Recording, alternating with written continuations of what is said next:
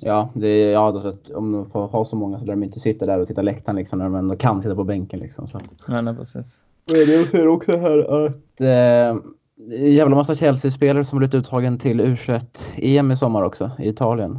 Okej. Okay. Clark Salter, Da Silva, Tomori, Mount och Abraham. Ja, vad roligt. Kopiera in det här. Du hade ju tänkt åka på det Daniel, där i Italien, så det var ju spännande. Hade du det? Nej, alltså du. jag hade inte tänkt absolut.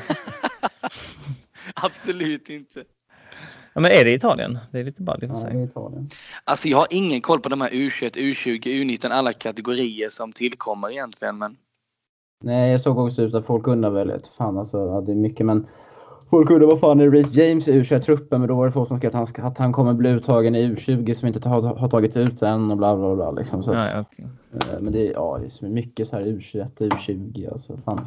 Ja, reservlag och nej, det, det är inte lätt att sätta sig in i det vad som egentligen är eh, vad de egentligen tillhör spelarna och vad de lirar någonstans. Det är knappt att jag vet vad spelare som är skadade lirar någonstans. Man har de här lagen under. Nej, det är bökigt. Jag får be dig prata nära, nära micken och så vidare för att jag märker mm. att det försvinner lite grann om du inte pratar nära micken och det låter lite burkigare än matte. Men eh, bara så du tänker på det. Mm. Eh, men vi kör igång där då, eller vad säger ni? Ja, ja det känns bra. Ja, uh. Om det inte är någonting annat. Och du andas inte in i micken. Arsenal har torskat fyra av fem europeiska finaler. Ja, det är jättebra. Nämn det också. Uh, Arsenal have beaten teams from every nation they have faced in Europe except uh, they have never beaten an English team. Uh. Så de har aldrig slagit ut ett engelskt lag i, ett europe i en europeisk turnering. Ja, hmm. ja, men det lägger jag in också här i mitt lilla dokument. Uh, ja, men då borde jag vara redo nu. Matte, är redo? Ja. Gött. Hej allihopa och välkomna till säsongens sista CSS-podden med mig Donny, ditt blåa nyckelhål på den svenska Chelsea-dörren. Och idag är vi eh, fullt manskap. Ville Sjögren är här. God kväll, allt bra? Ja, det är bara bra med mig. Och man är e- extremt taggad nu inför onsdag när man har fått, eh, när man varit utan Chelsea nu ett par veckor känns det som. Ja precis och det är därför vi är här för att verkligen tagga igång inför den finalen. Kul att ha dig här i alla fall och eh, ska bli roligt att spela in podd med fullt manskap idag för att Mattias Henriksson är också här. Men vi flaggar lite, lite för att han kanske, kanske måste lämna, men det hoppas vi inte. Ifall det skulle trycka på allt för mycket så att säga, eller hur Matte? För att du skulle ju bli pappa med planerat nedsläpp igår. Men igår i väntandes tider, inte sant? Ja, det stämmer, men eh, där vet man aldrig var det landar. Men eh, en sak vi vet med full säkerhet det är ju onsdagen så att förhoppningsvis kan han ju ytterligare vänta till torsdagen då, så att man kan eh, få en riktigt fin eh, fokus på olika saker känner jag. Jag menar det. Jag menar det. Ja, och det, och det blir en han alltså. Det vet ni sedan tidigare eller? Ja, det, det var eh, oundvikligt förstod vi vid första träffen och eh, vad det kan bero på det vet jag inte men eh, så, så var det så att eh, men eh, allt går bra så jag har tänkt på alla Chelsea-namn i, i, i, som nästan har spelat i Chelsea men vi får väl se vad det landar i till slut. Det är inte Nej, riktigt enigt. Ja, lite åt olika håll är det väl. Det är lite bra att vänta med att se lite vad, man, vad som erbjuds när man träffar den härliga individen då. Ja, ja, ja. ja där ser man. Du vet, du vet vad min grabb heter va? Nej. John. Aha. Ja, jag sa till, eh, frågade Caroline om eh, Terry var ett alternativ. Hon sa nej det är mer hund. Sa hon. Så, ja, det, det kan jag i sig hålla med om. så de, eh, och Frank och sånt är också lite häftigt. Så ja, vi får se. Så, eh, jag skulle inte vara förvånad om det landade någonstans där. Och, eh, men vi får se. Ingen, det blir inte Lasana Diarra eller något sånt. Jussi Benayoun. Nej, jag, eh, min, min dotter heter ju Stella och så heter hon Chelsea i andra namn. Och när vi snackade namn eh, så lanserade jag John på ett väldigt tidigt, tidigt stadie då när min eh, fru var gravid. Och jag, jag kommer ihåg vi satt i soffan där en gång och så sa hon, jag tycker ändå det är konstigt att du inte har tagit något Chelsea-relaterat namn, sa hon. jag bara, ja nej, nej det, jag tycker bara det är ett fint namn. Och så bara såg man hennes blick att där pop, föll poletten ner. Hon bara, jaha, är det därför du tryckt på det jävla Men eh, nej, så jag har ingenting med det att göra. Det är ett fint namn. Det är ett jättefint namn. Så är det. Och det tycker jag. och eh, nu är han snart fyller fyra år i, på lördag.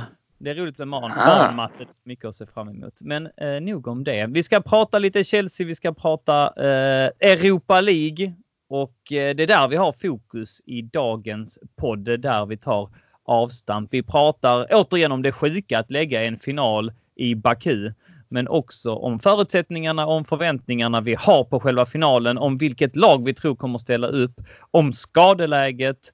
Vi pratar lite om Arsenal och så har matte djupdykt i Europafinaler och det tycker vi är en historisk aspekt väl värd att nämna i denna podd.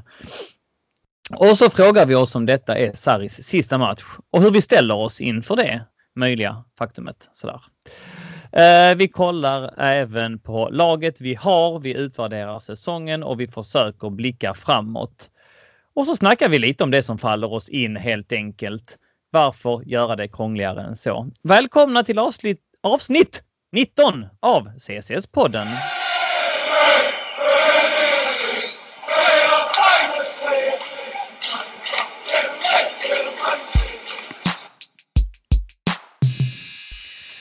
Ja boys, vi börjar alltså med att prata Europa League och det är ju en Europafinal.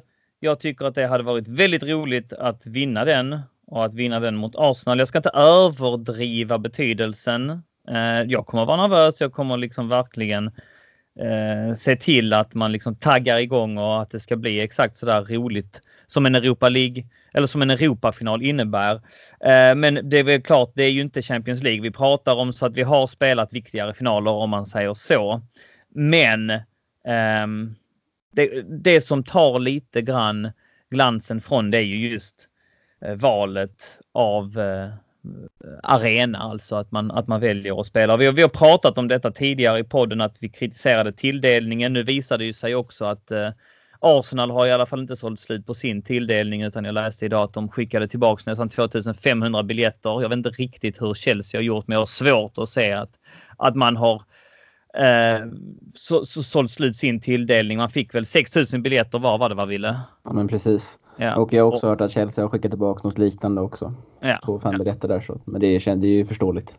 Ja, det är klart det är det. Och det, framförallt från England så var det ju helt eh, fruktansvärda förbindelser. Jag hittade ju någon, eh, den billigaste resan jag, resan jag hittade tur och tur var ändå uppe på 12-13 tusen och det var liksom 24 timmars väntan i Turkiet. Och, alltså det var liksom helt tekniskt omöjligt egentligen att ta sig dit om man inte är beredd att, att lägga liksom en, en hel månadslön på det mer eller mindre. Så, och, ehm, det har jag svårt att säga att väldigt, väldigt många är och speciellt när det är ett väldigt otrevligt land som vi har pratat om tidigare i konflikt. Va? Vi pratar om att eh, Mkhitaryan som är armenier inte är välkommen, kommer förmodligen inte åka med.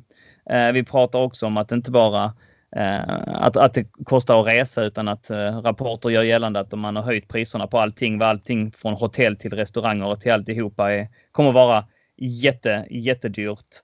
Och att eh, alltså det, det hänger något form av, av eh, terrorhot också som eh, man varnar om från myndigheters håll. Va? Så att eh, riktigt skumt att lägga en final där. Vi pratar också om en flygplats som förmodligen inte, för, förmodligen inte kommer kunna hantera den här tillströmningen av, av turister som förväntas komma.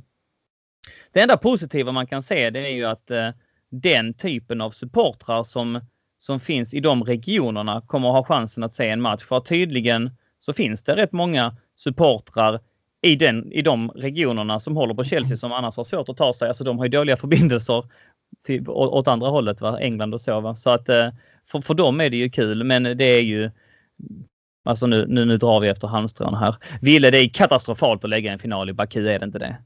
Jo, det är väldigt uppseendeväckande. Eh, men jag tycker inte, alltså det har inte pratat så mycket om det här, om det här förrän eh, det var klart att Chelsea och Arsenal ska vara i final. Alltså jag känner generellt. Eh, alltså man, alltså man, man, man, förstår ju att man förstår ju varför Uefa har lagt den här. Man har alltid, funnits, alltså, man har alltid insett att det har varit lite korruption där i de här Uefa och Fifa. Uh, men det, jag tycker det har pratats lite generellt om det under hela säsongen att det ska spelas just i Baku. Och det känns som att det nu all det här all upproret kommer. Att uh, det är helt uh, att det är illa att, att den läggs där. Ja, det borde ha kommit tidigare. Det borde ha kommit tidigare tycker jag. Så alltså det är liksom, många skriver att man, man borde flytta den liksom, men det är klart man inte kan flytta ett, ett så pass stort evenemang med så kort varsel. Nej. Men det är såklart att det är helt uppåt väggarna att Uefa ens funderar på att lägga en final i ett land som du själv säger där i konflikt och när det drabbas så hårt att inte ens mycket att en spelare i Arsenal inte ens kan resa dit. Det, är, det är inte bra. Vi pratar alltså också om att samma eh, stad och arena kommer att vara värd till tre matcher i EM 2020. Så mm. Eh, synnerligen så har de fjäskat in sig och eh, har fått ett gott öga av Uefa. Matte, något att tillägga där? Eh, jag tycker ni är inne på eh, alla rätt spår och jag tycker också att det, som jag nämnde vid podden för något tillfälle sedan att, eh, att det är en Olympiastadion, att det är långt till även till plan och det är också en försämring av för publiken och vi ska inte bara prata om att det är Chelsea och Arsenal som det är ett svalt intresse för utan det är ju rent generellt till hela, till hela finalen och det tycker jag är en klar indikator på att eh, eh, de får lära sig av den här läxan. Att eh, det, det, det, är, inget, det är inget bra ställe att placera en final på. Och vi pratar om själva finalen då om vi bara konstaterar att vi är lite besvikna över att den är där när Liverpool och Tottenham ska mötas upp i soliga Madrid så är det ju inte så att man inte kastar avundsjuka blickar åt det hållet om man säger så när vi har Azerbajdzjan i andra vågskålen. Men ja, jag tror inte vi kommer längre nog om det mm. helt enkelt och så får vi eller vill du lägga till något mer Wille? Nej, Nej. Vi, vi, ja, jag tänkte bra.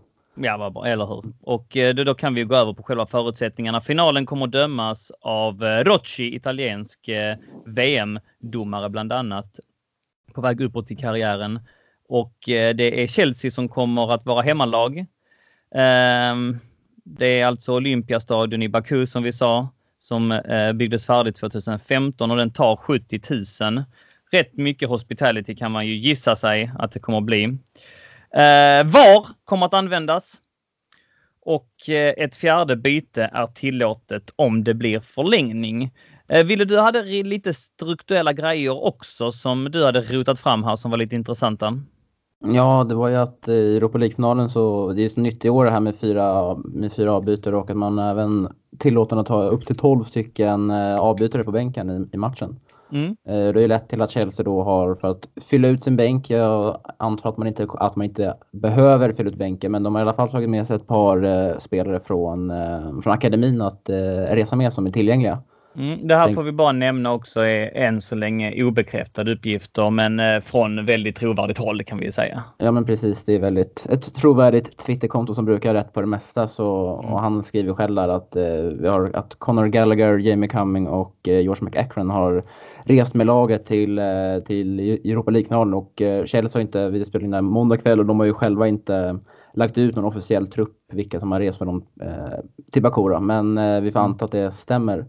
Och mm. det är ju spelare då som har spelat akademin under, under säsongen för det är inte tillåtet att plocka med sådana som Reece James till exempel som har spelat professionell fotboll med en annan klubb under, under då säsongen och under våren mm. generellt.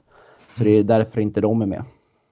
Vilka sa du nu? Ta dem igen vilka det var. Det var eh, Cumming, det är målvakten, eller hur? Ja, men precis. Och sen har och du... där har vi alltså, om vi bara stannar kvar vid honom, så har ju han varit med lite grann i Europa League-sammanhang mm. tidigare. Men han har ju konkurrerat med Eh, Marcin Bulka då som tredje målvakt i år kan man väl säga om man nu mm. skulle räkna bort eh, Rob Green som mest är med för att fylla upp kvoten.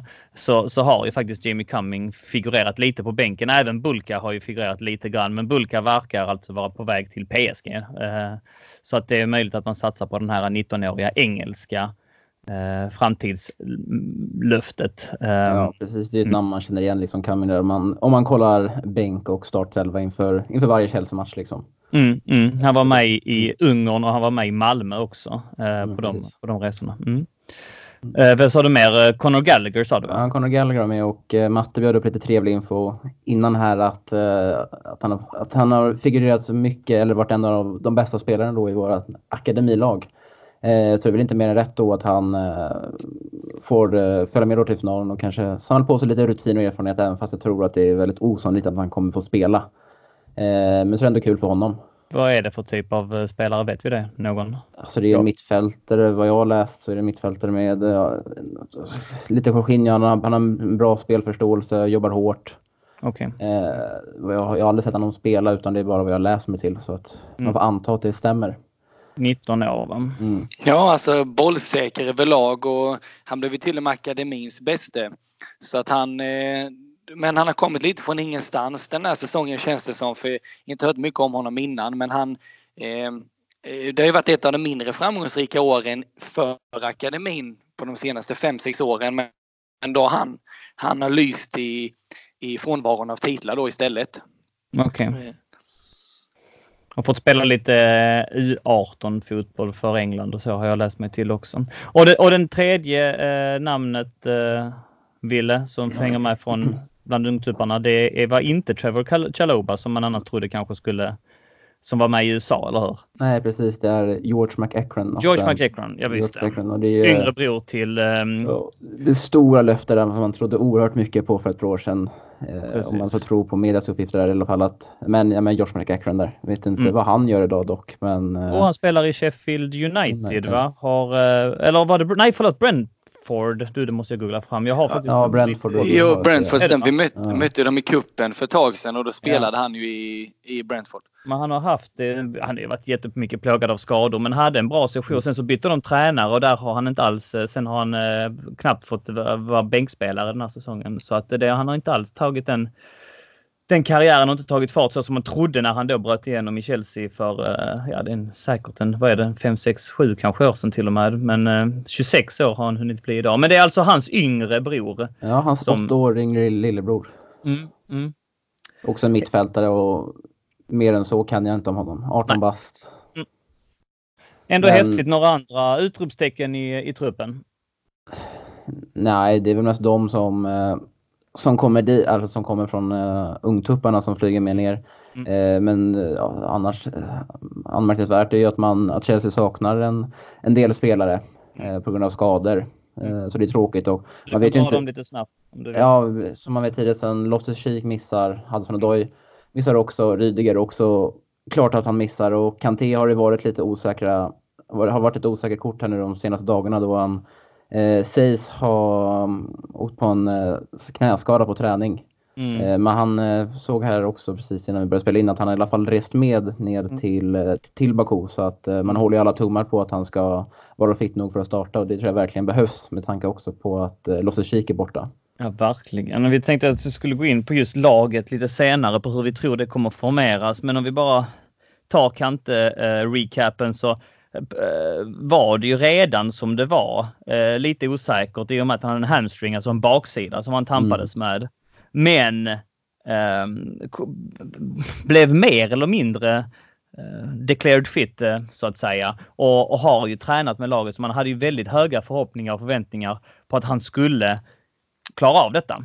Ja, och så kom han då tillbaks och så möttes vi av eh, i slutet av förra veckan av nyheten att han hade då skadat knät istället på en träning. Så det är synnerligen olyckligt. Mm. Uh, ja, ja, det är verkligen tråkigt.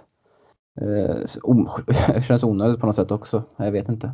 Ja, Men ja. Uh, ja, tråkigt. Och Callum Hudson Odoi, den kan vi väl också uh, dra igenom då alltså. Det var ju den här uh, välgörenhetsmatchen som... Nej, det var Loftus Cheek. Förlåt menar jag såklart. Jag, här säger jag ett namn och tänker på ett annat. Kalle Mattsson Odoi är borta med den akilles sedan tidigare, men det är Ruben Loftus-Cheek menar jag givetvis som eh, har haft en väldigt stark säsongsavslutning och det var den här ifrågasatta välgörenhetsmatchen. Jag måste säga att jag nämnde det i en podd här också tidigare att jag kallar det för uppvisningsmatch, men det var lite felaktigt för att jag har liksom förstått här i efterhand att det ändå var en relativt inom citationstecken viktig match va? med ett ganska så uttalat och tydligt syfte då mot hat, diskriminering och kanske framförallt mot antisemitism. Och när jag säger viktigt så var det nog viktigt både för de amerikanska fansen där många liksom hade gjort resan inom USA men, men också viktigt för klubben att vara med Eh, det var en, en, en, eh, en resa och ett eh, evenemang som man hade bokat in väldigt tidigt och uppenbart var ju att det togs på allvar från högsta ledningen och Abramovic var till och med där på plats. Det är första gången han ser Chelsea på hela säsongen och han skrev även en kolumn i programbladet så att det hör inte till vanligheterna kan jag säga att han liksom yttrar sig varken i, i tal eller i skrift. Va? Men det gjorde han.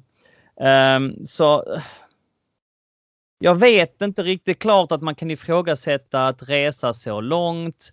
Det är klart man kan tänka att det kanske var dåligt planerat, att man kanske kunde lagt den här matchen lite senare och så vidare och så vidare. Men samtidigt måste jag säga att jag tänker inte hoppa på det här hattåget som går nu eh, med att bara slakta ledningen för det här beslutet. För en sån skada som Ruben Loftus-Cheek ådrog sig, det, det är bara kokas ner i ren jävla otur. Det hade kunnat hända på träning, det hade kunnat hända överallt och let's face it, vi hade nästan tre veckor på oss mellan säsongens sista match och Europa League-finalen. Det, det, är rätt lång tid utan matchning och till och med Arsenal spelade en vänskapsmatch mot något österrikiskt lag. Va? Så att det, är inte, det är inte helt liksom sinnessjukt att vi planerade in en match. Om det nu var så att det planerades in en match mellan eh, alltså säsongsavslutningen i Premier League och Europa League-finalen. Jag vet inte grabbar, håller, håller du med? Jag bollar bollen till Matte först. Ja, matchen eh, för det första bokades väl redan i, i början av året skulle jag vilja minnas när det var mycket snack om att vi skulle skicka supportrar till Auschwitz och allt det här. Det är ju det som är lite upprinnelsen till allt det här om att Chelsea ska vara en ledande klubb gentemot antisemitism och allt detta. Ehm, och sen vill de givetvis knyta kontakter i USA mer, eh, eh, mer tydligt då. Men eh, det vi kan konstatera med är ju den, den, den elvan vi ställde upp med den här matchen, alltså det är ju en det är ju nästan vår Europa League finaluppställning som vi kommer ställa upp med imorgon. Så att som du säger, det, är ju, det här övergick nog mer än en, en, en välgörenhetsmatch i, i den bemärkelsen. Men det måste eh. ha någonting att göra med att man hade eh, liksom avgett det löftet att uh, nu sticker vi dit och vi tänker inte liksom sticka dit med uh, U19-truppen utan vi, vi, vi, får ta med liksom. Och så sen så spelade ju alla spelare väldigt lite. Alltså det, ja. var, ju, det var ju väldigt stor rotation på, på den elvan så att uh, jag vet inte. Ja. Ja, det roligaste bytet var väl ändå när Green skulle in. Mm. Eh, och de stod runt honom i en klunga och applåderade och jublade. Och har ni inte sett det så kan ni in och titta när Green byts in. Det var roliga scener. Mm. Eh, med tanke på att han inte har gjort eh, Ja, det var som när Fredrik Temmes var med på den för några veckor sen så nämnde han ju det att Green är ju, var i stort sett eh, signerad för att han skulle täcka upp den här kvoten med mm, mm. Eh, homegrown och allt vad det heter där. Mm, mm. Men eh, visst kan man eh, koka ner till att Loftus Cheek eh, eh, till att vad det innebär med sådana här jippomatcher är heller inget ovanligt. Det är ju som en försäsong eller vad som helst som det kan hända. Och ser vi på Hudson och Doy så skadade han ju sig utan någon, någon attack eller någonting i, mm. i ett skede som inte alls... Eh, I ett liknande skede kan man nästan säga. Mm. Ville, vad säger du? Onödigt att dra till USA? Skyller vi på klubben eller eh, ligger det någonting i det här i resonemanget vi för med matten? Alltså jag tycker att det finns två, två delar av det. Alltså jag, tycker, jag tycker först och främst att alltså man kan absolut rikta kritik mot, eh, mot ledningen att, vi, att de ändå bokar in en sån match när det, när det ändå mm. är en väldigt stor att det är en hög sannolikhet att vi kommer spela en Europa League-final. För när man mm. väl bokade in den här matchen så var, ju, så var det liksom, ja, Chelsea var ju det starkaste nästan laget på pappret mm. som skulle ta sig Europa League-final. Uh, och jag kan ju känna att primärt så är ju Chelsea det är en förening, alltså det är en resultatinriktad förening. Mm. Alltså, och att åka till USA direkt efter en lång säsong när spelarna är, har, väldigt, när de har väldigt trötta kroppar och mm. ändå matcha dem. Jag tycker att alltså, visst att det kan ske på träning men jag tror ändå att man ändå har alltså, upplägget på en träning inte, det, är ju inte match liksom. Alltså, man går inte in lika hårt som man gör en match. Så jag tycker absolut att ledningen ska kunna ha kritik för det. Även fast det är som jag självklart står bakom saken de gör det för.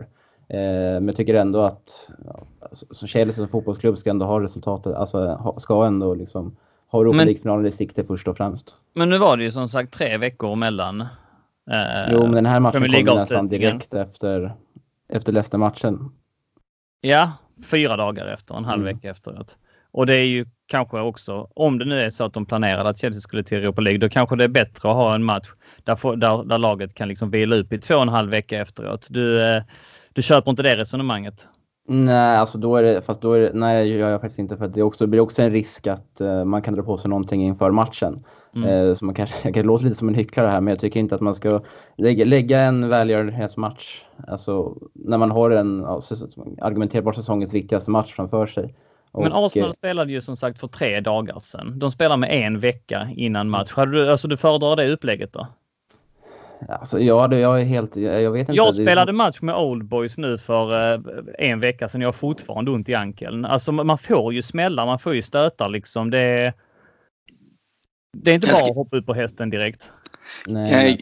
Jag känner jag kan flika in där att han... Eh, jag gick tillbaka och kollade när den här matchen diskuterades och den eh, någonstans i mitten av november, i slutet av november så togs de första seriösa snacken om att här, den här matchen kommer bli av då och, och egentligen då bokade, bestämde man datum också. Det vi kan ha i åtanke då var ju att bland annat vid den tidpunkten hade, var ju inte vi utslagna ur eh, FA-cupen heller utan det är ju frågan vad som hade kunnat ske då om den här matchen hade blivit med tanke på att FA-cupen spelades ju ännu tätare. Den var väl, var det den 18? För mm, ja, 18, ja, nej, den 18 maj där för två veckor sedan. Hade vi gått till den då kanske det, hela den här matchen hade antingen skjutits upp eller då eh, plockats bort.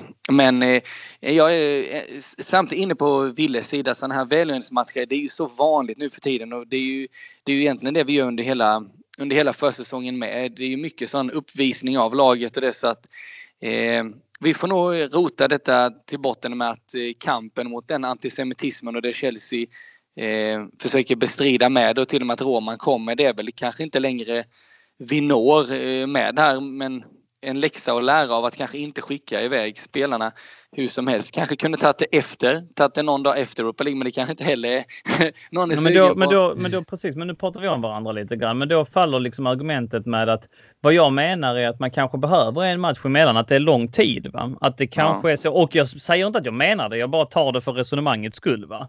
Att det kanske var så att man menade på att nej, vi behöver liksom en match och, och lite matchning innan i rent liksom att vi bortser från att det är en välgörenhetsmatch utan tar den som en ren träningsmatch liksom för att hålla igång. För samtidigt så möter då ett, ett, ett lag där New England Revolution som ändå, de ser också här som sin större chans att visa upp sig så de kommer gå in och ge allt.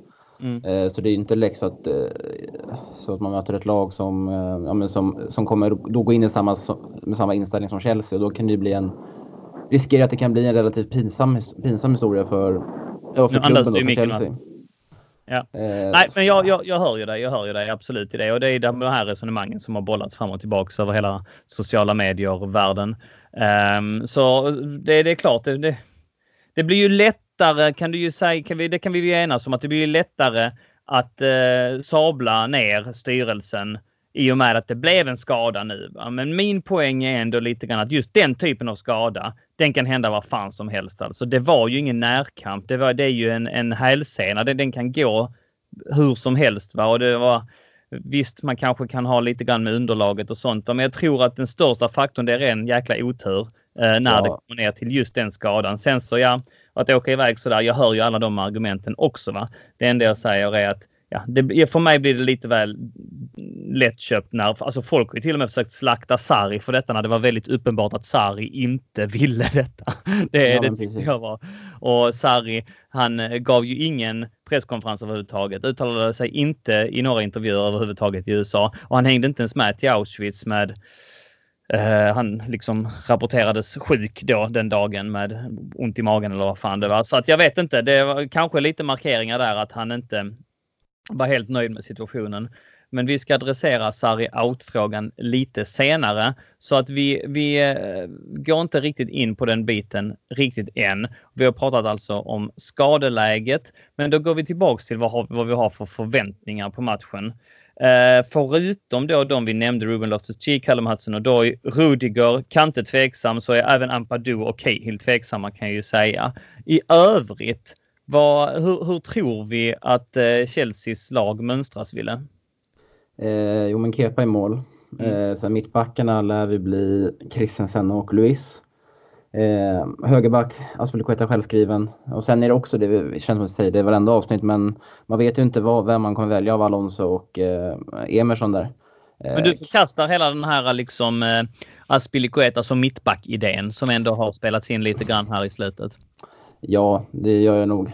Mm. Faktiskt. Jag tror, nu, alltså, jag tror nästan bara det blev att det var en tillfällighet, att, eller inte tillfällighet, men att man, det blir lite som en nöd, nästan som en nödlösning där man hade Kiel på bänken, men ändå mm. i eh, Frankfurt-matchen och sen så kanske så ville man när allting ändå var säkrat nu inför, eh, när, alltså när Champions League-spel var säkrat då inför sista omgången i Premier League så kanske man inte ville riskera att eh, ja, matcha Christensen för hårt när han gick av bara några dagar senare. Så att mm.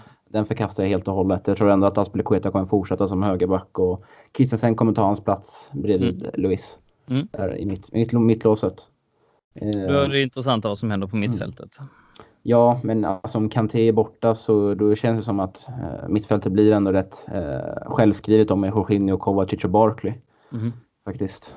Eh, jag ser inte hur någon annan, läste lite om att om en, någon som tog upp Danny Drinkwater som man hade man bara har läst hans, man har bara läst hans rattfyllehistorier under, under mm. säsongen. Men eh, att han kan vara ett alternativ. Men det, det verkar ju som att de flesta förkastar det väldigt snabbt. Är han med i eh, truppen i den här, eh, på det här Twitterkontot som du följer? Uh, nej, alltså han har ju inte ens, han har ju knappt tränat med laget vad jag vet de senaste veckorna. Mm. Och, uh, så det skulle förvåna mig mycket om han ens faktiskt flyger med. Mm, mm. Uh, men annars ja, har vi bakom den, den, den, den trion då när Losses Chic och Kanté är skadade. Det blir ju den här Gallagher och mm. McEachran. Nej, helt plötsligt så blev det jäkligt tunt där. Så alltså. blev det tunt. Så att jag vet inte, man kanske flyttar ner någon William men du har, gett upp på, du har gett upp på, på Kante då? Eh, alltså han, han är ju självskriven ifall, ifall han kan spela såklart. Mm. Men mardrömmen är ju att han inte är med och då, då, då känns det mittfältet väldigt självskrivet. Annars mm. om han är med så, vet man, så är det också svårt att veta vem som tar den här platsen av Barkley Kovacic. Men det känns ändå som att Kovacic har fått han har fått spela lite mer de tyngre matcherna under säsongen, känner jag i alla fall. Så att, och det här är väl en tung match. Mm. Så det kanske, den statistiken kanske talar i hans fördel. Eh, så då får jag nog säga Kovacic ifall Kanté är eh, tillgänglig. Kovacic alltså. Och eh, framåt då? Ja, Hazard. Eh, Hazard. Den är svårt alltså. Eh, Giroud och eh, tror han ändå vill ha in en William där. Mm. Men eh, det kan jag säga till dig att han kommer att spela med eh, Higuain. Han älskar Higuain, ja. Ja, det, jag vet inte, jag hoppas ju på, på, på Giroud med det jag säger. Och sen, det är lite, han har varit lite lurig det här, lurig här Sarri. Att man, eller han har ändå varit lite förutsägbar men ändå lurig. man har ändå vetat under hela säsongen att ja, men har Pedro varit bänkad så startar han nästa. Mm. Och det har nästan blivit lite så med ett par positioner i laget. Mm. Men nu när det var liksom två och en halv, tre veckor sedan senaste matchen så har man ju inte man hänger ju inte med längre i det liksom. Nej, eh, i den. Det blir liksom, det, allting nollställs. Så mm. jag tycker att den här startelvan den är, den är faktiskt väldigt svår att uh, förutse. Nej, det är den. Det blir spännande att se. Matte, något att tillägga om just om själva elvan? Alltså det vore just det som ni säger med Higuain och Giro. Om han skulle tänka så eh, Sarri att eh, Giro kan tillföra mer vid ett byte om han skulle släppas in än vad Higuain skulle göra. Mm. Eh, däremot till, tycker jag personligen inte Higuain tillför någonting under 90 minuter. Nej. Men eh, om vi ser till hans tanke att ändå Giro har gjort 10 mål. Han har fått nytt, eh, en kontraktsförlängning här nu. Han är på gång. Eh, mm. Higuain vet vi fortfarande ingenting om. Så annars är, känner jag att jag är inne på, eh, på villespår och eh, även i backlinjen där. Så det, det, det, tycker jag låter som en rimlig, en rimlig uppställning. Bara ett sidospår nu då. Eh, Giroud fick nytt kontrakt. Innebar det att eh, Higuain inte får det? Ville? Eh, det är väldigt svårt att svara på med tanke på att vi har ingen ordning om hur det blir med eh, transferförbudet. Mm. Eh, för att svara kort på din fråga så alltså, nej, alltså får vi transferförbud så ser jag ingen anledning till att, eller vare sig vi får det inte så är ingen anledning till att behålla Higuain och tycker inte det finns någon, det talar nästan mindre för att behålla honom faktiskt när vi har transferförbudet och tycker att vi lika gärna kan, när vi ändå har möjlighet att slussa in en Tim, en Tim Abraham. Även fast mm. jag vet att du ändå har en viss kritik mot honom. Eller att du inte kanske... Ja, nej, men alltså inte i jämförelse med men, alltså. Nej, men... Alltså det... Uh, Peter Crouch före Higuain. ja. Han, får, han är ändå skön på ett sätt, eller hur han är som person. Ja, ja visst. Nej, eller utåt, vad man har sett. Men eh, det, det, de sista rapporterna gör ju ändå gällande om man hänger med i, eh, i svängarna att eh, de man kommer att skicka tillbaks Higuain att eh, Sarri kanske gärna hade velat ha kvar honom men man vet ju inte ens hur det blir med Sarri. Vi ska gå in på det senare som vi sagt. Men eh, att han eh, sitter på en för dyr lön och kan liksom inte att de inte kan finns ingen, det, det, det, kostar dem för mycket och styrelsen vill inte ha honom. Han har inte imponerat överhuvudtaget. Och det, det stämmer ju. Så att det är ju eh, i eh, han ska ha någonting i, eh, i, i, i summorna kring liksom 300 000 pund strecket i, i veckan. Och det är, är bara Kante som har den typen av lön i Chelsea. Och han är ju inte värd hälften. Så kan man säga. Och sen är han ju, han är ju dyr att ha både på lån och skulle vi köpa loss han. Ligger, ligger inte det på en 35 miljoner pund eller någonting? Och, ja ett lån är hälften. Så att med det i åtanke så är det ju Nej, det är som Abraham eller vad som ett, ett mycket bättre alternativ i jämförelse. Ja, Michi Batshuayi kanske också. Mm. Förslagsvis ja. Mm. Giro?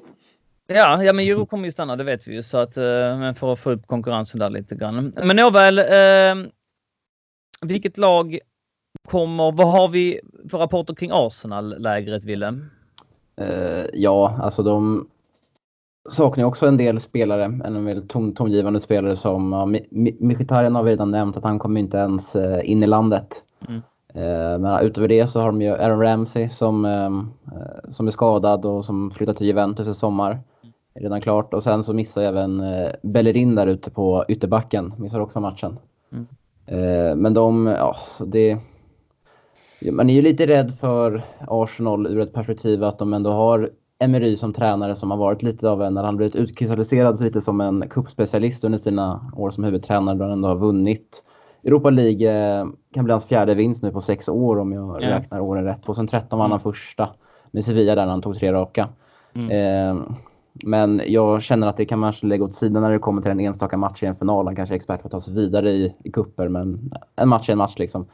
Men eh, ja, alltså under hela säsongen så har Arsenal varit ett lag som har en, eh, som har, alltså en, ett anfall i, så är absolut alltså ett av ligans bästa och kanske ett av världens bästa argumenterbart. Ja. Ja. Eh, I Aubameyang och Lacazette. Men det är mm. försvaret som läcker som ett såll. Mm. Och det, det är någonting som, ja, de är, annars är de ju dumma, men det är någonting som de har själva identifierat här nu inför finalerna, inför, inför finalen att försvarsspelet måste sitta. Mm. För att de ska kunna gå som segrare. Nej, måste det inte alls. Vi har spelar med Higuain så måste de inte sitta överhuvudtaget. Ja. Nej, men det är väldigt mis misstagsbenäget eh, ja, jo, det det. försvar där. Mm. Det är mm. liksom det är största delen därför de missar då en topp 4-placering. Det håller ja. inte där bak. Eh, men ja, men de, det är i alla fall någonting som de har pratat mycket om inför finalen. Att det, det måste sitta till 100% för att de ska ha en, en värdig chans att uh, ta hem bucklan. Vad talar för Chelsea, Matte? Att Chelsea vinner? Ja, alltså jag skulle snarare säga vad, vad, vad talar inte för oss? Eh, vi har aldrig förlorat dels i Europa League. Eh, vi har en, en Hazard som jag tror är Alltså jag kan inte ens tänka hur sugen han är. Han missade ibland Europa League-finalen mot Benfica när han kom. Han var ju skadad den matchen. Eh, tror att han, eh, ja, vad det verkar som så lämnar han att han ska avsluta med, med en titel eh, det är givetvis önskvärt på hans håll. Eh, Sarri har aldrig tagit en titel. Mycket eh, fokus kommer ju läggas på att han eh, givetvis är ute efter det. Eh, jag tror att vi kan bli, vi har varit bra att slå lite underläge i många år. Eh, och jag, jag, jag, får lite feeling av 2012 här när eh, alla stora killar i laget fick stå åt sidan men vi ändå rådde hem det. Mm. Så jag, jag ser en bra ja, bra, du, det var bra att du, att du äh, la till det i resonemanget för annars är det inget jävla underläge. Vi kan inte liksom lägga oss som lillebror nu till Arsenal. Men visst, ja, i, ur, ur skada. Nej, eller, inte gentemot Arsenal. Som, och sen att de eh, vi har under åren, eller, eller i slutet här när vi förväntade oss en utväxling av jag trodde att Arsenal skulle plocka kanske tredjeplatsen men istället så vek de ner sig. De släppte in en 15 mål mer än oss i slutändan i ligan och eh, det, det kändes som att de, de som vanligt underpresterade när det krävdes. Mm. Eh, och, och, där någonstans, eh, de har ju, fast att de har slagit ut lite mer imponerande lag än vi också har gjort i kuppen här så har de ju samtidigt också förlorat matcher eh, som mot Bate Borisov där och legat lite på med kniven mot strupen ett par matcher men jag det, det, är bara en känsla när Chelsea kommer till de här Europa League-matcherna mer än känslan i Champions League att nej men det här Eh, eh det här ror vi hem och eh, den, visst att vi kan spela mer avslappnat än Arsenal så för att vi är i Champions League men det köper jag inte riktigt det resonemanget utan alla spelare där får vinna titlar och, och eh, eh det, jag tror att eh, det, i slutändan så är nej, hela magkänslan är det, att det blir seger. Det är mm. de, de sakerna ni har flickat in med skadeläget kanske och att eh, de är fruktansvärt vassa där med Aubameyang och eh, Lacazette. Eh, det vore väl det som var undantagen och jag såg även domaren där. Han har dömt Chelsea tre gånger innan och det har alltid blivit vinst. Yes. Så ja och... Man älskar sån statistik.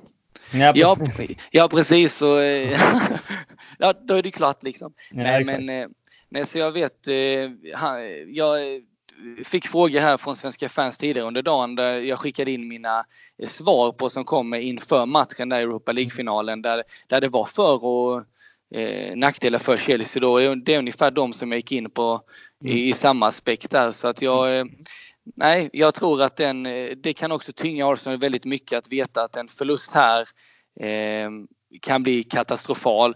Och visst fasiken, och ska man gå in i en final och vinna mot Arsenal, alltså det är ju det är ingen diskussion.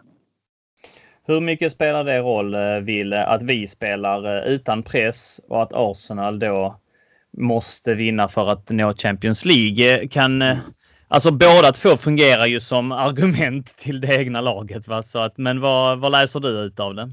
Nej, men det är lite som Matte säger också. Man ska inte kanske vara alltför färgad, men alltså Arsenal har ju, har ju varit det senaste decenniet ett lag som har gjort sig lite känt för att eh, skita ner sig när det väl gäller. Och, mm. eh, det har ju liksom, det har ju varit, eh, det har ändå varit mycket kring det här i media och jag såg ändå att Mustafa ändå nämnt i en intervju att hur viktigt det är för klubben att ta sig till Champions League nästa säsong och så mm. vidare. Mm. Så att det kan absolut påverka dem tror jag. Men man kan ändå föra andra resonemanget att det är en final och alla vill ju vinna titlar.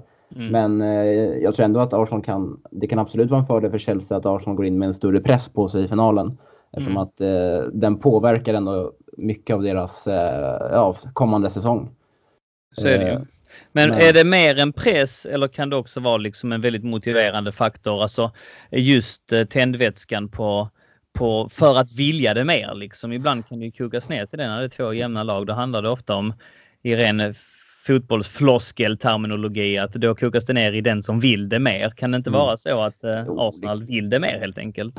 Det kan det absolut vara, men det beror ju också på vilka skallar man har i laget. Mm, och det vet vi att det har de inte. Det vet vi att Arsenal har inte. Och det finns ju lite an, annan, annan statistik på att de har varit i, i en europeisk final fem gånger, torskat fyra. Ja. Eh, och sen också en annan statistik som talar för Chelsea att de har aldrig slått ett engelskt lag i en, uh, Europa, i en, i en Europamatch. Eh, så att, Arsenal har inte slått. Arsenal, precis. Mm, mm. Eh, så det är också lite statistik som talar för Chelsea och det här resonemanget som vi för här att Arsenal eh, ja, är mentalt svaga rätt sagt. Så att, nej, men jag vet inte. Alltså, ja, som jag tror det beror vilka skallar man har i laget och jag ser väl inte direkt, alltså, så, jag, så många pådrivande spelare tycker inte jag att det finns i Arsenal. Du har ju Mustafi där som står och skriker men han är ju rätt förvirrad själv och man vet inte vad som kommer ur där. Och sen har du ju Xhaka som eh, kanske tar ett rött innan ens hinner säga ett ord liksom. Så att mm. man får se helt enkelt. Men jag tror inte att eh, Ja, alltså sett till historien så tror jag inte att Arsenal kommer vända det till sin fördel riktigt. Kan jag inte se. Matte, hur slutar matchen?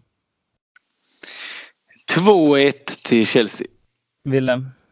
Eh, ja, jag tror 3-1 till Chelsea får inte säga samma, samma resultat för jag tror ändå att vi kommer nog i alla fall släppa in ett mål. Någonting Lite... mer att lägga till om Europa League-finalen grabbar? Ja, om vi skulle se till eh, hur matchen utformar sig så tror jag ju att det kommer vara en match där vi blir väldigt spelförande. Men jag tror att det kommer vara det här lilla Hawaii, det här lilla kontringsspelet och insticken mellan linjerna som kommer bli avgörande. Alltså det gäller att stänga igen de här framåt där Aubameyang framförallt. Lacazette blir sämre om ja, Aubameyang är dålig. Så att eh, stänger vi igen där och det tror jag att Jorginho som en maskin senaste tiden och Kanté, alltså Kanté är ju inte skadad. Han spelar ju. Sen får han vara skadad i sommar istället. Ville, om jag bara säger avslutande här. Jag lanserar teorin att framåt så kanske vi startar med Pedro, William och Hazard. Tar du det före Hazard, William och eh, Higuain? Eh, ja, alltså om man ser till hur det har, eh, visst man kan ju, så om man kollar på tidigare matcher under säsongen så har det fungerat väldigt bra mot övriga, mot, mot topplagen. Alltså man mm. tänker, man, man, äh, Manchester City hemma, äh, mm. borta ställer upp med Higuain längst fram och vi alla vet hur det gick då. Äh, och sedan så hade vi även i ligacupfinalen mot, äh, mot City där igen och det fungerade bra. Och sen tycker jag även att vi spelade bra, alltså med, med den formationen mot Liverpool borta också. Mm. Mm. Så det är absolut inte helt otänkbart att eh, Sarri väljer att göra så. Matte, då lämnar jag över ordet till dig för att jag har bett dig prata lite grann eh, eller eh, läsa in det lite grann på tidigare Europafinaler och eh, då ja, som innefattar Chelsea som ett av lagen, hoppas jag du förstod. Um, hur ser det ut där om vi tittar bakåt i historieböckerna? Ja, tittar vi rent historiskt då så kan vi se att eh, vi har ju tagit fyra titlar om vi räknar in både Champions League, Europa League och cupvinnarcupen. Eh, varav två i cupvinnarcupen då och en vardera i Europa League och Champions League. Mm. Eh, om vi ser till ytterligare finaler så har vi ju varit i ett par med, eh, med en sämre utgång men det är egentligen mest Champions League-finalen där för en tio år sedan. Eh, vi kan även eh, se att vi har ju spelat en final i denna turneringen en gång tidigare och den var ju 2013 då. Eh, och vi kan ta den då den ligger närmast till hands. Eh, där kan vi se att eh, vi hade, vi faktiskt hade killar som eh, David Lewis på plan, som även var på plan imorgon, även Cesar Aspilicueta. Gary Cahill var även då i, i, på plan och spelade hela matchen i, i finalen för sex år sedan. I, i övrigt så är, är det i stort sett ett, ett nytt lag som, som matchas. Vi kan se att när vi spelade finalen för sex år sedan så mötte vi ju bland annat Nemanja Nemanja Matic, Benfica. Och det var inte långt därefter som vi signerade honom eh, som en direkt konsekvens av hur sjukt bra han hade visat sig vara i just Europa League-spelet. Eh, och eh, bortsett från, från den så var, var vi ju, om vi hoppar tillbaka året innan där, så var vi dubbla Europamästare vilket eh, är unikt för fotbollen någonsin då att vi under en tio dagars period var regerande mästare i både Champions League och Europa League och hade båda troféerna samtidigt. Mm. Eh, som en lite intressant notis. Eh, finalen 2012 känner vi alla till och eh, det var ju sjuårsjubileum för någon dag sedan där och då är det alltid kul att få in alla bilder på folk som firade på sin egna vis sådana dagar. Allra första, du får hoppa lite mellan sakerna och ting här, så kan vi hoppa till eh, allra första eh, finalen vi spelade egentligen i Europasammanhang. Eh, och det var ju mot eh, spanskt motstånd i form av Real Madrid då i cupvinnarcupen. Eh, och eh, det gick ju, det var ju ett, två matcher, det blev ett eh, omspel där i takt med att vi eh, eh spelade 1-1 i första mötet där bland annat Osgood gjorde mål. Mm. Eh, vi kan, den, och är det något en, intressant notis från 2012 till den matchen 1971 är att båda spelades ju 19 eh, maj. Okay. Jag, mm. jag, gillar ju lite sådana faktabaserade mm. grejer. Mm. Eh, och jag vill även dra mig till minnes nu att den här matchen som kommer spelas nu 29 maj är väl att vi har väl aldrig har vi ens spelat en match eller har vi aldrig förlorat den? Jag återkopplar till det. Eh, men det vi kan se här 1971 är att då tog vi vår första titel då där egentligen Oskud sköt hem eh, den första stora Europatiteln för Chelsea i egentligen en, en, en framgångsserie för Chelsea eh, under 70-talet. Och det var ju också då många på 70-talet som det blev mer och mer Chelsea-supportrar till, till dagens dato även från den här tiden då. Ehm, sen så däremellan så, ja, det gick väl där tungt 20 år framåt men eh, ehm, Chelsea hankade sig fram och, eh, men etablerade sig mer och mer. Ehm, och nästa final efter 71 var 98, även då i cupvinnarcupen då mot eh, Stuttgart. Som många minns där eh, då matchen spelades på Råsunda i, i Stockholm. Mm. Eh, och eh, det var ju Gianfranco Sola som eh, såg till att skjuta hem den, den segern med ett mål som många minns. Så de, det, Chelsea har ändå som vana per standard att, att vinna finaler. Det är lite det som är en trend för klubben som vi kan se även i andra bitar utöver Europaspel. Men det är en och det, men det är en god anda vi även kommer till den här matchen. Vi har ju två eh, raka eh, Europafinalvinster innan, eh, innan det här mötet mot Arsenal här nu på, på onsdag då. Och skulle vi hoppa tillbaka då så kan vi se också att det är ju ändå legendarer som spelare som Oskud och Sola och Didier Drogba som har avgjort de här finalerna. Branislav Ivanovic också i senaste mötet mot Benfica. 15 eh, maj. Och eh, nej, det känns som en eh, Chelsea har ju överlag i Europaspel etablerat sig som en stor klubb bortsett från senaste åren där lite sådär mellan kanske Atletico Madrid semifinalen i Champions där för en 4-5 år sedan fram till nu som det har varit lite knakigt. Men mm. eh, alltså det, det, det är fina minnen när man sitter och tittar på det och vi kan se att eh, Eh, från att när vi på allvar var med då första gången eh, eh 98 där mot Barcelona. Sen så har det varit mycket bra trender med mycket semifinalspel, mycket finalspel och har ju bjudits på riktig show vid många tillfällen. Eh, om vi nu tittar rent mer modernt också. Mm. Kanon, jävligt eh, fin skildring. Eh, den enda matchen som vi alltså inte nämner här i sammanhanget är alltså 2008, men den har vi glömt, eller hur? Ja, den såg jag ingen större anledning att Nej. gå in närmare på utan eh, vi kan ju säga att vi, den matchen dominerade vi också. Men vi kan där, säga att det blev lika där. Ja, alltså efter ordinarie tid. Ja, jag såg här nu till min, och får återkoppla på mig själv. 29 maj har vi aldrig spelat någon match. Det är väldigt ovanligt. Vi har nästan alla andra datum spelat någon match. Så yes. det, det känns eh, som att det kan ju bli en riktigt helig dag i Chelsea-kalendern då mm. vid en vinst. Och då ställer vi oss frågan om detta är Saris sista match. Matte, du som är inne i ett stim. Vad, eh, vad tror du? Nej. Jag, eh, alltså Sari uttalade sig själv också för några dagar sedan om att om hela min Eh, om allt som jag har gjort under säsongen skulle kokas ner till den här matchen och att det skulle avgöras på den här individuella enstaka matchen då, då slutar jag hellre själv. Mm. Ehm, och eh, visst har tongångarna varit att han ska gå. Jag tycker dock de har blivit mindre senaste tiden i takt med också att Lampard och, och vidare, för att inte gå mer in för djupt på dem nu. Men ehm, jag, jag, även om jag på sikt inte tänker Sarri så ser jag med ett kommande transferban och, och en, en tredje plats och Europa League, eller två finaler under säsongen att man ändå får visa den respekten mot han kanske och, och och ge han en säsong till. Men sen ska man givetvis inte behålla saker som är bra om man sen, om vi redan nu kan eh, utdra att nej, han, eh, det kommer inte funka på sikt det här. Då ser jag ingen mening. Börjar vi se att han skulle få för sig att börja spela som gå in och signera honom och det, då skulle jag nog snabbt kunna ändra mig.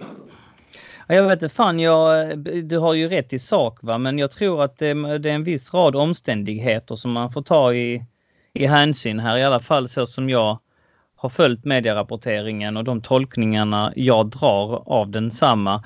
Och jag är ju inte nödvändigtvis för um, en sparkning av Sarri och jag är väl inte sådär jättemycket för att behålla honom heller. Han är, nej, jag, alltså, ja, jag vet inte riktigt. Jag bryr mig inte så mycket.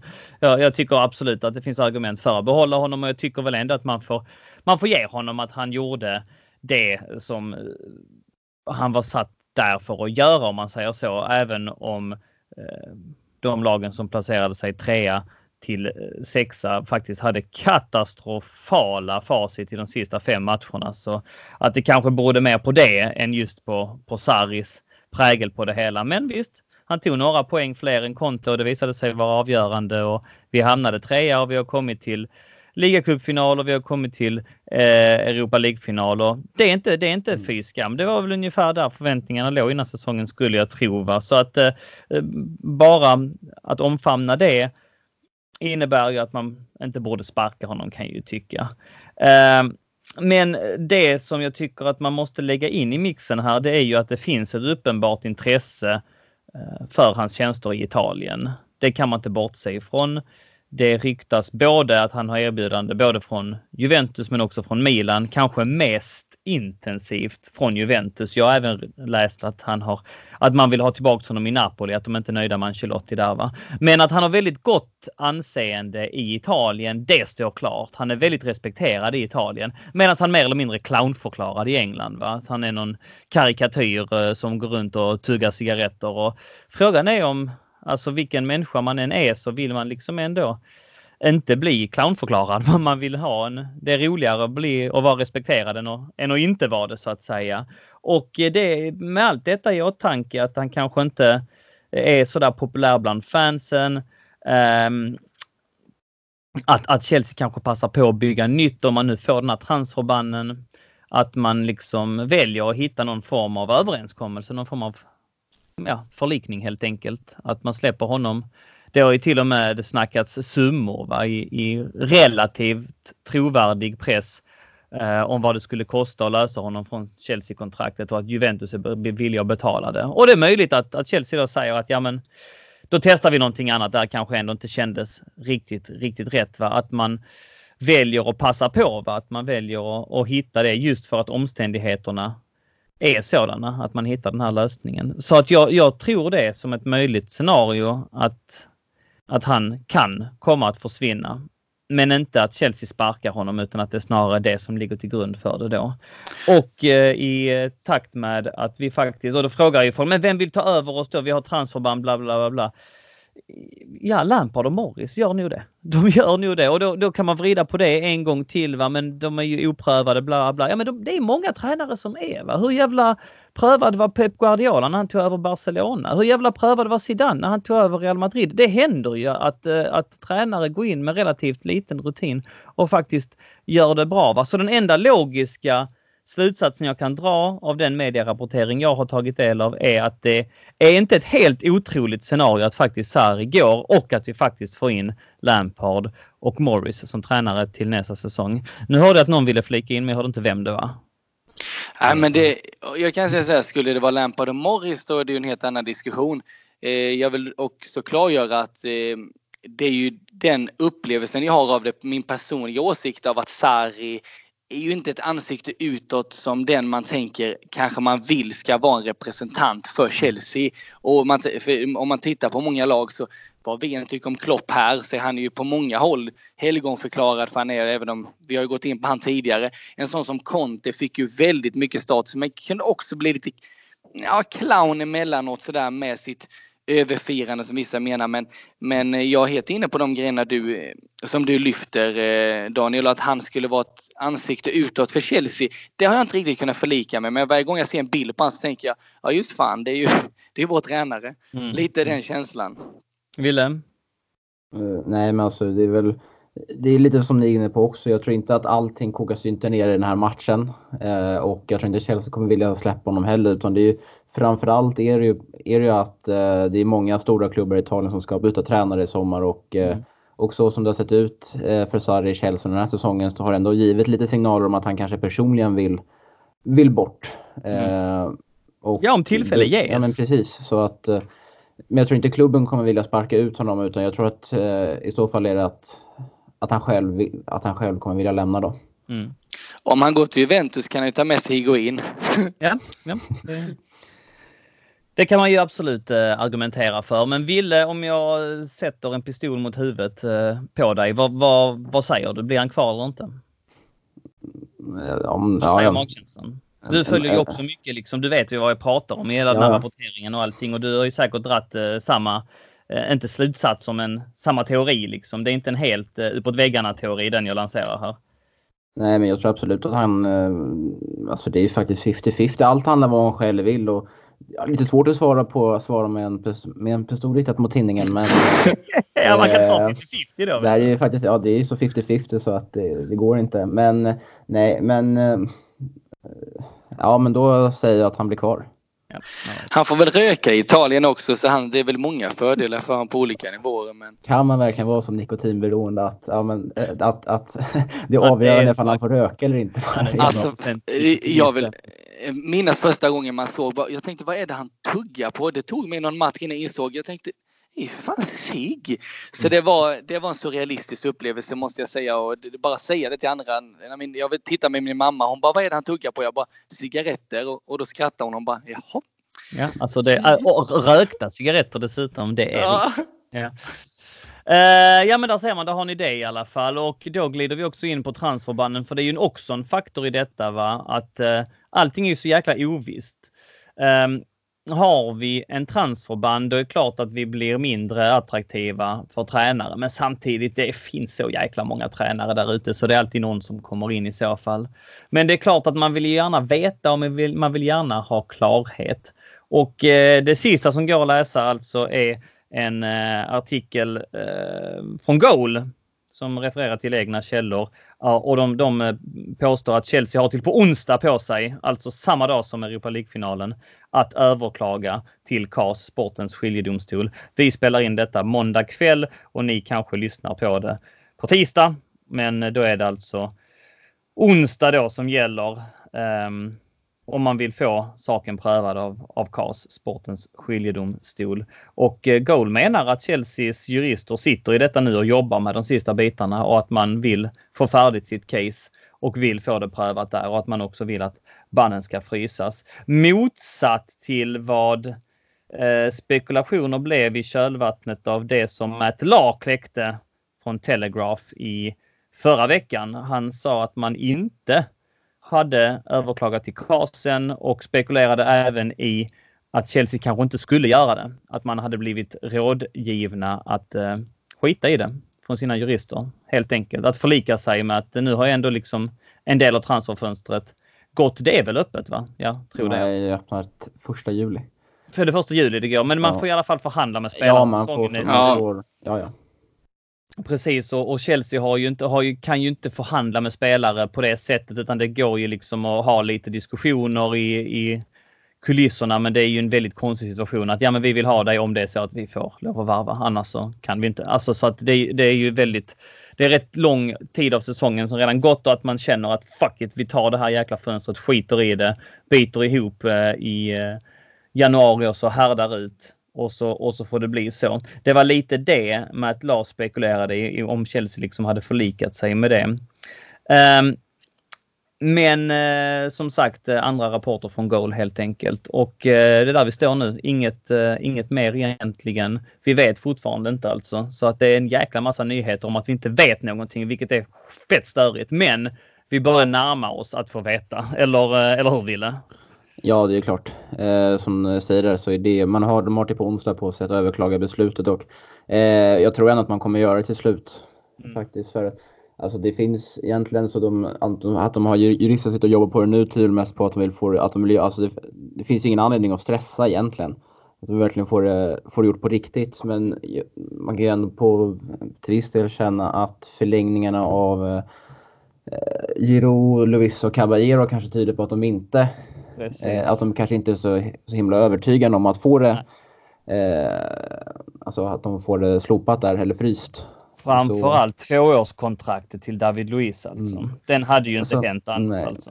Alltså jag, tänk, jag vet, vet inte liksom så om de gör det för att de är säkra på att de kommer bli alltså, avböjda sin, eh, sin överklagan eller att de gör det för att Ja men alltså vi, alltså torskar vi de här spelarna innan vi ens får besked så, vi, mm. så kan vi inte ersätta dem, att de, bara, att de säkrar upp det på så sätt. Ja. Jag vet inte, vet inte riktigt hur de, hur de tänker där men eh, jag tycker ändå att förlängningen tyder på att man i alla fall är oroliga. Absolut, i allra högsta grad. Det, eh, det tycker jag också. Och eh, var någonting mer jag skulle lägga till här just angående transförbanden. Men ja, du får fylla i Matte så kanske jag kommer på det.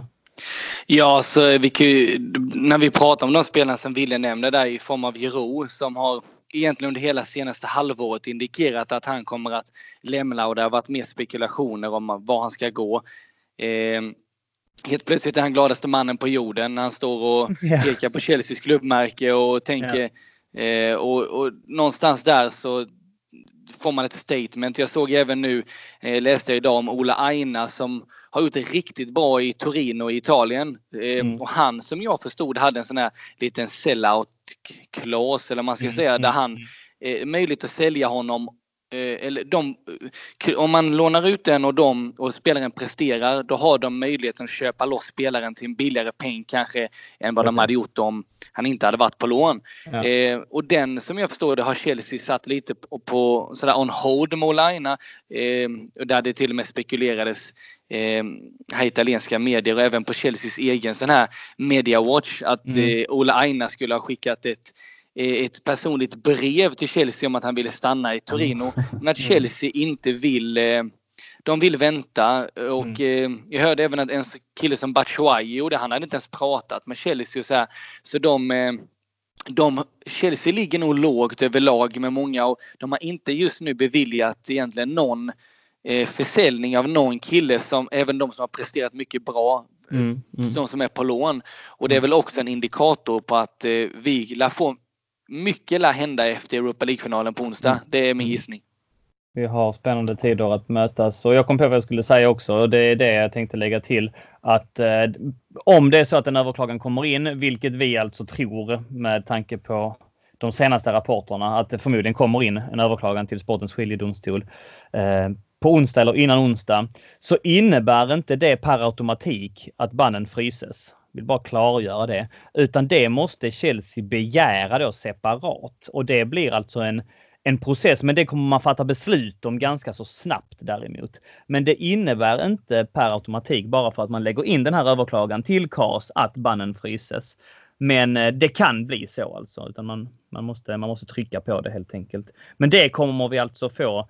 Eh, vi kommer förmodligen inte få veta utfallet av överklagan, men vi kommer att få veta för att det, den, det ska prövas först i höst har jag läst, alltså sent liksom i augusti eller någonting.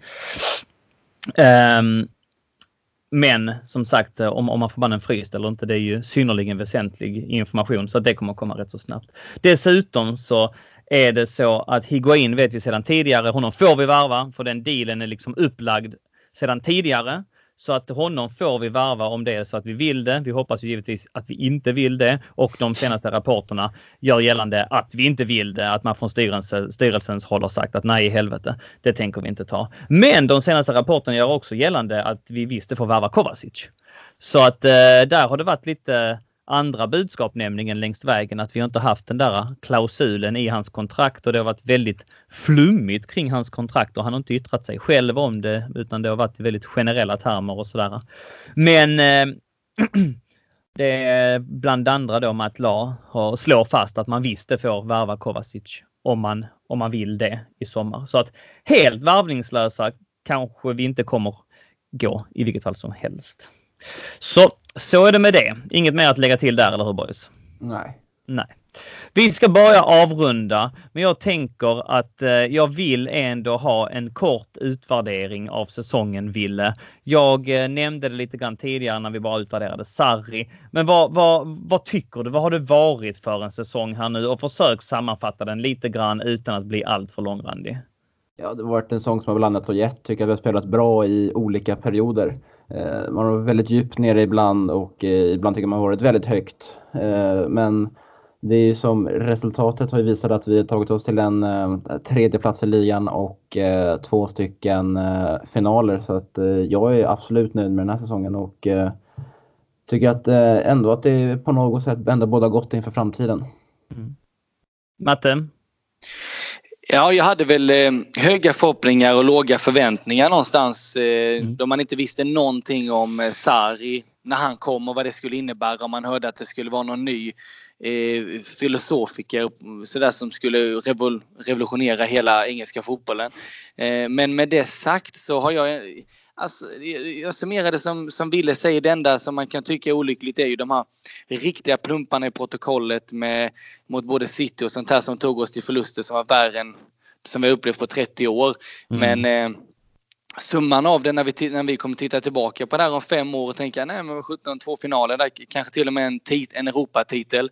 Mm. Eh, så, eh, och en tredjeplats bakom även om de andra underpresterade så, så är det ändå någonting vi får vara nöjda med. Och, och visst vill man ha mer än 70 poäng och harva runt med i eh, serien men eh, just nu är läget inte bättre än det och det tror jag kanske inte många mer hade gjort bättre just den här säsongen heller. Mm.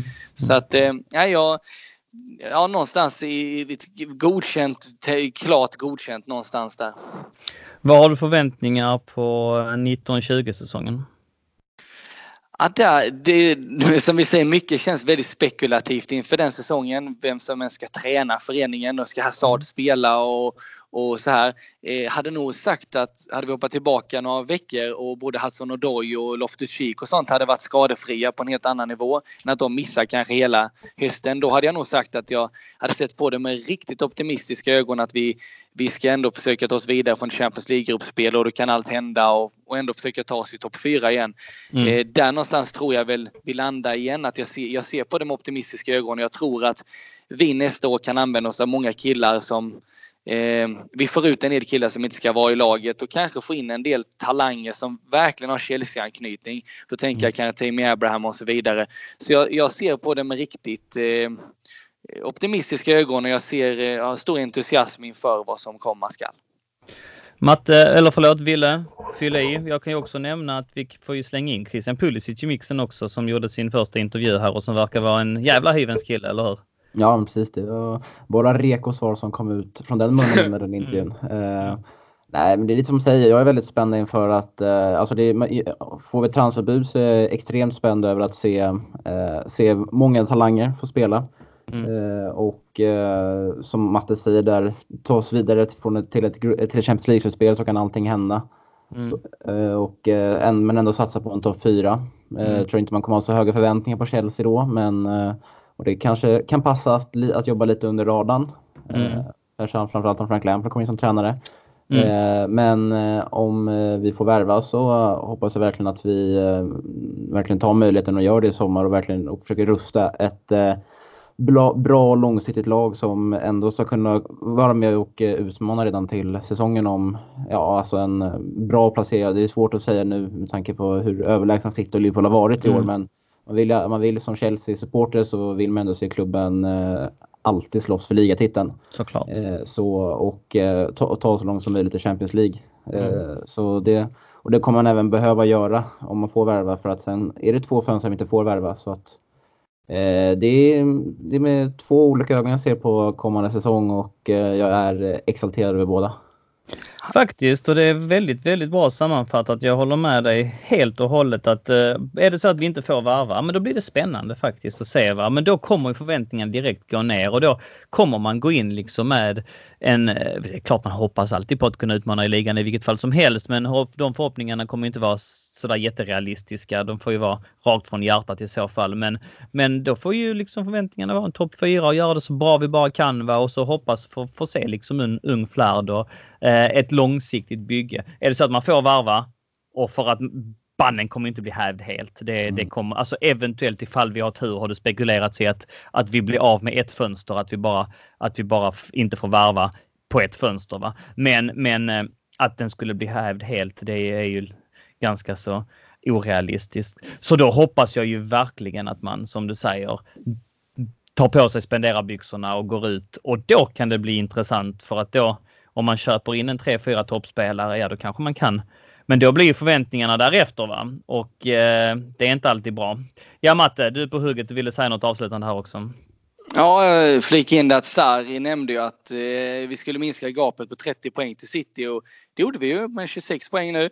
Men eh, jag, jag, hörde även Klopp säga en intressant sak. Det var att jag tycker inte vi har visat någon högre kvalitet än något annat lag.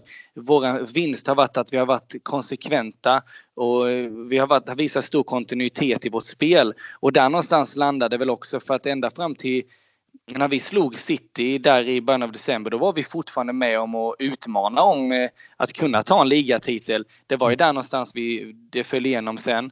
Så att, eh, och sen avslutningsvis från mitt håll vill jag flika in att jag tycker det ska bli förbaskat jäkla kul med att se eh, John Terry tillbaka i Premier League nästa år med ju på tränarbänken. Mm. Eh, som Aston Villa idag tyvärr får man väl säga i många Chelsea-ögon sett även mina slog ut då eh, Derby i kvalfinalen av Championship. Mm. Nej, så är det. Mycket att se fram emot. Ville, vill du säga något avslutande? Um, avslutande kring uh, själva... Ja, kring vad fan du vill min vän. Jaha, det är ja, sista då... avsnittet. Ja, Let's wrap sparat, it up. Jag har sparat ihop lite en tweet här som jag såg mitt under avsnittet. Uh, att, uh, att Kanté gick um, undergick, eller han gick igenom medicinska undersökningar igår och att Standard Sport skriver i, idag, eller nu för 19 minuter sedan att, eh, att man är att man att den är inte lika man, man, man är inte lika orolig som man var tidigare om hans skada. Okay. Så det kan väl avsluta lite positiva nyheter. Ja, verkligen. Det hade varit mumma. Den tar vi gärna emot. Om förväntningarna på Chelsea är, eh, ja vad säger man, uppe i himlen att vi inte riktigt vet vad vi ska förvänta oss av Chelsea så vet vi vad vi ska förvänta oss av CSS. För att den riktningen har stakats ut. Vi har format en styrelse och kommer jobba vidare säsongen 1920 och det kommer vara eh, på fantastiska grunder måste jag säga. Väldigt nöjd över den, den eh, ledningsgrupp vi har fått ihop här som eh, du faktiskt eh, också ingår i Matte. Eller hur? Det kommer att bli grymt. Ja, absolut och det, det ser vi med stor tillförsikt fram emot. Ja, med stor tillförsikt men med stor glädje också. Vi är givetvis eh, måna om att eh, jobba hårt och se till att få den här föreningen på, på rätt skuta får man väl ändå säga i och med att vi har haft eh, kanske framförallt den här sista säsongen en del missnöjda medlemmar och, och förståeligt eh, så. Va? Så att eh, det finns ett förtroende att återupprätta och eh, vi tycker att vi är rätt folk för den uppgiften. Och eh, det här måste vi också säga följer lite ner i knät på oss när, när den förra styrelsen eh, ja, slutade. Att det blev någon fick liksom rycka ut va och ehm, ja, lösningen för föreningen och jag är jätteglad att eh, ha fått med så bra Eh, människor i den här grupperingen som, som du Matte, men även givetvis Oskar Karlström med hela hans kompetens och, och, historik och erfarenhet av de här grejerna. Va? Och eh, även då en, en kille som, som Niklas Isaksson som jag jobbat med väldigt länge och som jag känner privat och har rest och kollat Chelsea med flera gånger. Så Eh, som, som eh, medlemsansvarig och, och då Oskar som kommer sköta den största kontakten med Chelsea kring biljetter och sånt. Va? Så det, det, det, det bådar väldigt gott. Va? Vi har redan fått, fått igång rätt mycket av vår, vår, vår planering. Rätt många nyheter. Läs mer om det på vår hemsida. En artikel finns uppe där det står mer tydligt. Men bara en sån grej att vi har eh, att vi har Swish som betallösning just nu har ju gjort att vi gick ut med att medlemsregistreringen öppnade idag, måndag och nu här när vi började spela in podd så hade vi ju redan ett 50-60-tal och det kan vara ännu mer nu som har registrerat sig, vilket eh, det har aldrig varit så många den första dagen kan jag ju säga tidigare. Och så passa på att bli medlemmar nu redan i början. De, bland de 100 första så lottar vi ut en signerad Chelsea-boll, alltså en signerad av laget, inte av, av mig och Matte. Av... ni kan få en också om ni vill av det styrelseboll. Ja. ja. Men eh, som sagt, mycket att se fram emot på de noterna.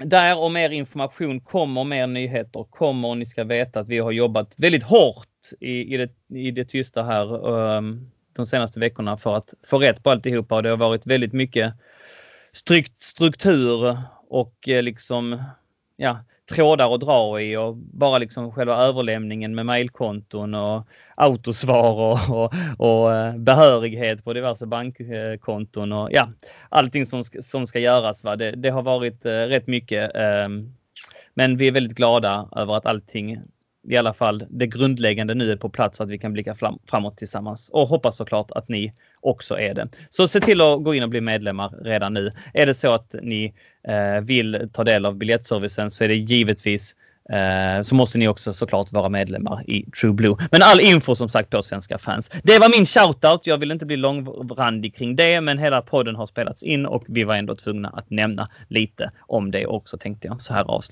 avslutningsvis.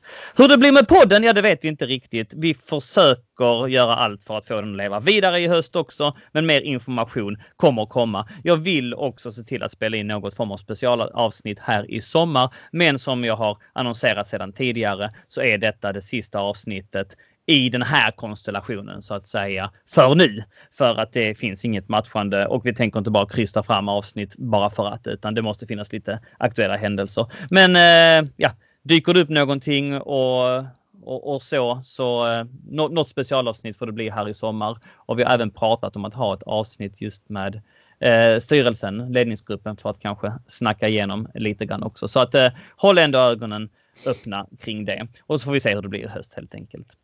Eh, med det boys så tackar jag så mycket för ja, hela den här eh, våren och hösten. Det har varit eh, många bra intressanta avsnitt. Är det någonting som sticker ut Ville? Uh, ja du. Nej, generellt har det varit väldigt roligt. Mm. Uh, det finns ingen rätt specifik uh, händelse eller moment som jag kan bara plocka ut så här på uppstuds men jag har alltid tyckt att det var roligt i alla fall. Vi har ju haft kul här vi tre, men vi har också haft några fantastiska gäster. Alltså Temmes levererade ju tok mycket med sin liksom eh, när han bjöd på sina, eh, vad säger man, expertområden inom juridiken och sådär. Och Oskar Karlström när han var med inför Malmö var ju också väldigt intressant och givetvis eh, Fredrik Pavlidis. Eh, ja, bra gäster helt enkelt som har, som har tillfört en del så det mm. tackar vi så mycket för. Någonting du tar med dig Matte? Ja, tacksam för att uh, få ha varit med överhuvudtaget får man väl säga. Uh, imponerad av att du har rott i hamn hel, hela den här karusellen också. Um, och skulle nämna det att det har varit riktigt trevliga gästinslag under året som även har lett till um, artikelskrivningar om om de kunskaperna efteråt mm. i form av säg då eh, Oskar Karlströms eh, kunskaper om eh, Sverigemöten och gästmatcher som vi hade haft i Sverige. Vad var det, 32 stycken eller liknande. Och, alltså det, det, tar jag, det tar jag med mig och att det har känts som att hela veckan har förhöjts av att eh, av podden då.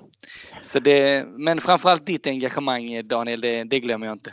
Ja, stort tack. Jag uppskattar det jättemycket och tack till alla som har lyssnat. Tack till alla som har diskuterat på CSS-podden-gruppen också. Fantastiska diskussioner har varit där. Utan er så hade det absolut inte varit lika roligt. Givetvis är det så att hade vi haft fem lyssningar i veckan så hade det inte varit lika spännande. Men så är det inte. Vi har legat på ett snitt på nu här i slutet på upp mot en 500 där kring så att eh, det, det är eh, väldigt glädjande och och mer kanske det blir framöver. Nåväl, med det så säger vi stort, stort tack till alla. Stort tack för ert engagemang. Fortsätt vara snälla mot varandra där ute i Chelsea, Sverige. Och så hörs vi snart igen. Carefree och up the chill!